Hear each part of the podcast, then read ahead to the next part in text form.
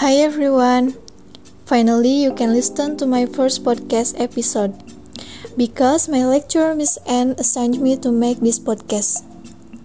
Honestly, I'm quite nervous to say something like this, guys, but I will do my best. Okay, in this podcast, I want to tell you about myself and a little about my life experience. Hope you enjoy it, guys. The first, let me introduce myself. I'm Indah Nirmalasari and I'm currently 19 years old right now. I was born in Bekasi, September 2002. I have one younger brother. His name is Asep. And my father works in Jakarta. Will my mother take care of me and my brother at home? By the way, guys, I really like traveling because I think traveling can really relieve stress, and I really often just go around town riding a motorbike without any purpose. It feels fun and calming. Maybe some of you must also like to travel like me. Besides that, I also sell bachi aka Baso Aci.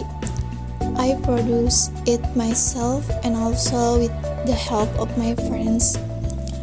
From the results of selling Baso Aci, I can buy my needs with my own money, not helping my parents much, but at least with me selling like that, I can lighten the load a little my parents. With me starting to be able to buy my own needs and wants, it is not easy to divide my time between selling and studying, but I always try to keep my grades good. Um, the reason I don't want my grade to decline is one of them because I get a scholarship. So, as much as possible, I have to maintain my grades.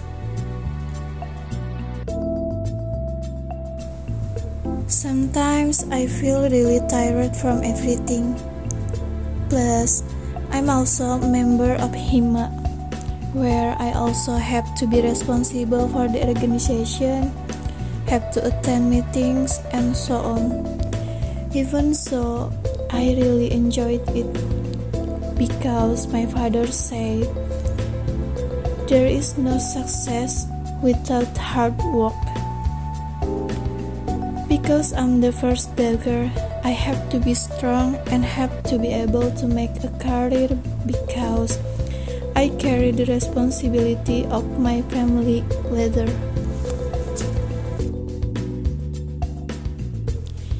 Hima also taught me a lot of things.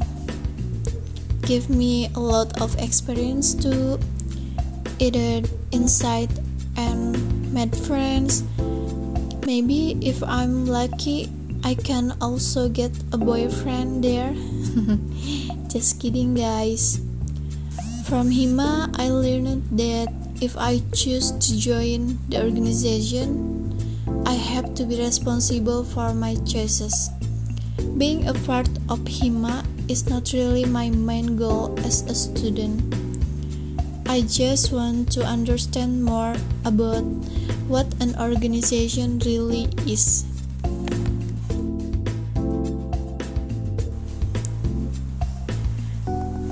That's all maybe from me, a little of my experience on how difficult it is to divide time between selling and studying. Um, but I'm very lucky because I have parents and friends who always support whatever I do so far.